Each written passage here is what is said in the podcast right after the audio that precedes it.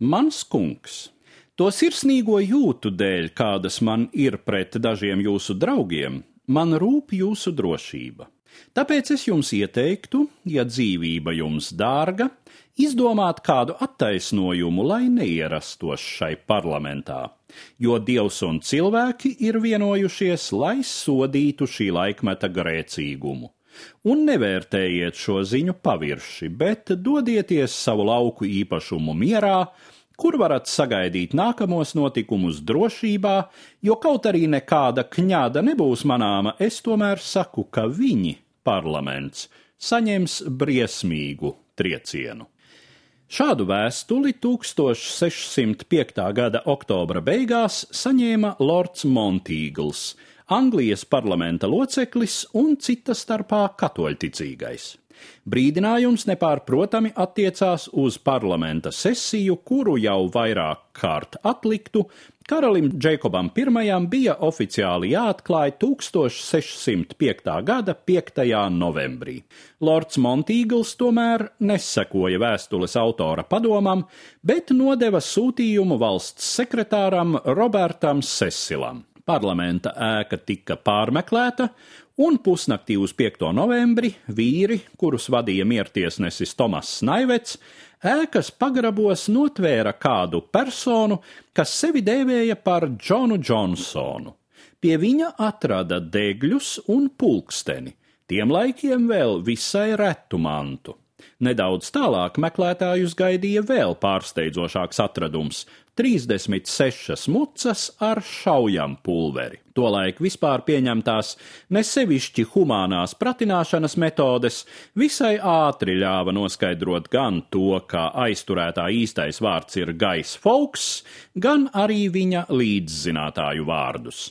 Daži sazvērnieki krita apšaudēs ar vajātājiem, bet vairumus sagūstīja, tiesāja un lēma viņiem augstāko sodamēru saciršanu gabalos. Tā izgāzās valsts apvērsuma mēģinājums, kas vēsturē ieguvis šaujam pulvera sazvērestības nosaukumu. Skotijas karalis Džeikobs mantoja Anglijas troni pēc tam, kad karaliene Elizabete I bija mirusi, neatstājot dzimtas turpinātāju. Džeikobs bija katolis, un angļu katoļi ļoti cerēja, ka viņš likvidēs Tjudoru karaļu nodibināto anglikāņu baznīcu un atgriezīs Angliju Romas pāvesta paspārnē. Kad šīs cerības nepiepildījās, tika izplānota sazvērestība - uzspridzināt lordu palātu līdz ar karali, parlamenta deputātiem un augstākajām valsts amatpersonām.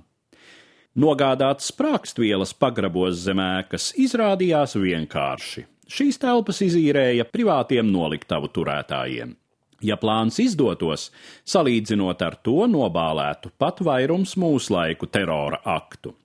Lēš, ka no parlamenta un ēkām simt metru rādījusā ap to paliktu vārda tiešā nozīmē drupu kaudze.